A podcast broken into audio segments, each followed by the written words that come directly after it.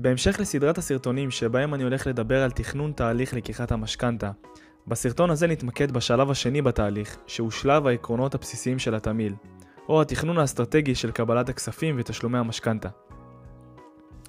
אחרי שעשיתם אפיון לתא המשפחתי והגדרתם את המטרה שלשמה אתם לוקחים את המשכנתה, הגיע הזמן להבין איך בנוי תהליך קבלת הכספים מהבנק, ואיך התמהיל של המשכנתה עובד. בשביל להסביר טוב יותר את הנושא, בואו נדבר על פיצה.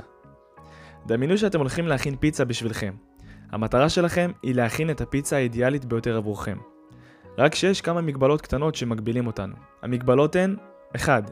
תוספות מוגבלות שכוללות זיתים, בצל, פטריות ותירס. 2. אתם חייבים לשים על הפיצה לפחות שליש זיתים או תירס. 3. המחיר של הפיצה לא יכול לעלות על 40% מהתקציב שלכם. 4. אתם חייבים להשתמש לפחות בקילו גבינה צהובה. אתם תחליטו איך לחלק אותה על הפיצה. עכשיו עם כל המגבלות האלה אתם צריכים להרכיב את הפיצה האידיאלית ביותר עבורכם. איך תעשו את זה? ומה הקשר למשכנתה?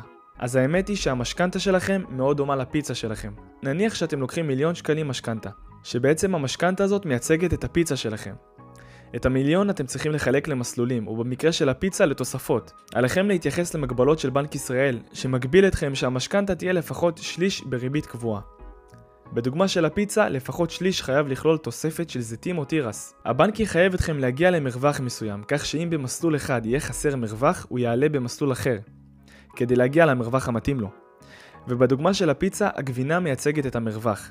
כלומר, אם הגדירו לנו שהמרווח הוא קילו אחד של גבינה, אנחנו נצטרך לחשב ולחלק את הגבינה בצורה נכונה על הפיצה. בדיוק כמו במשכנתה. אם מסלול הפריים יהיה נמוך מדי, אנחנו נצטרך להעלות את הריבית במסלול אחר, וכן הלאה.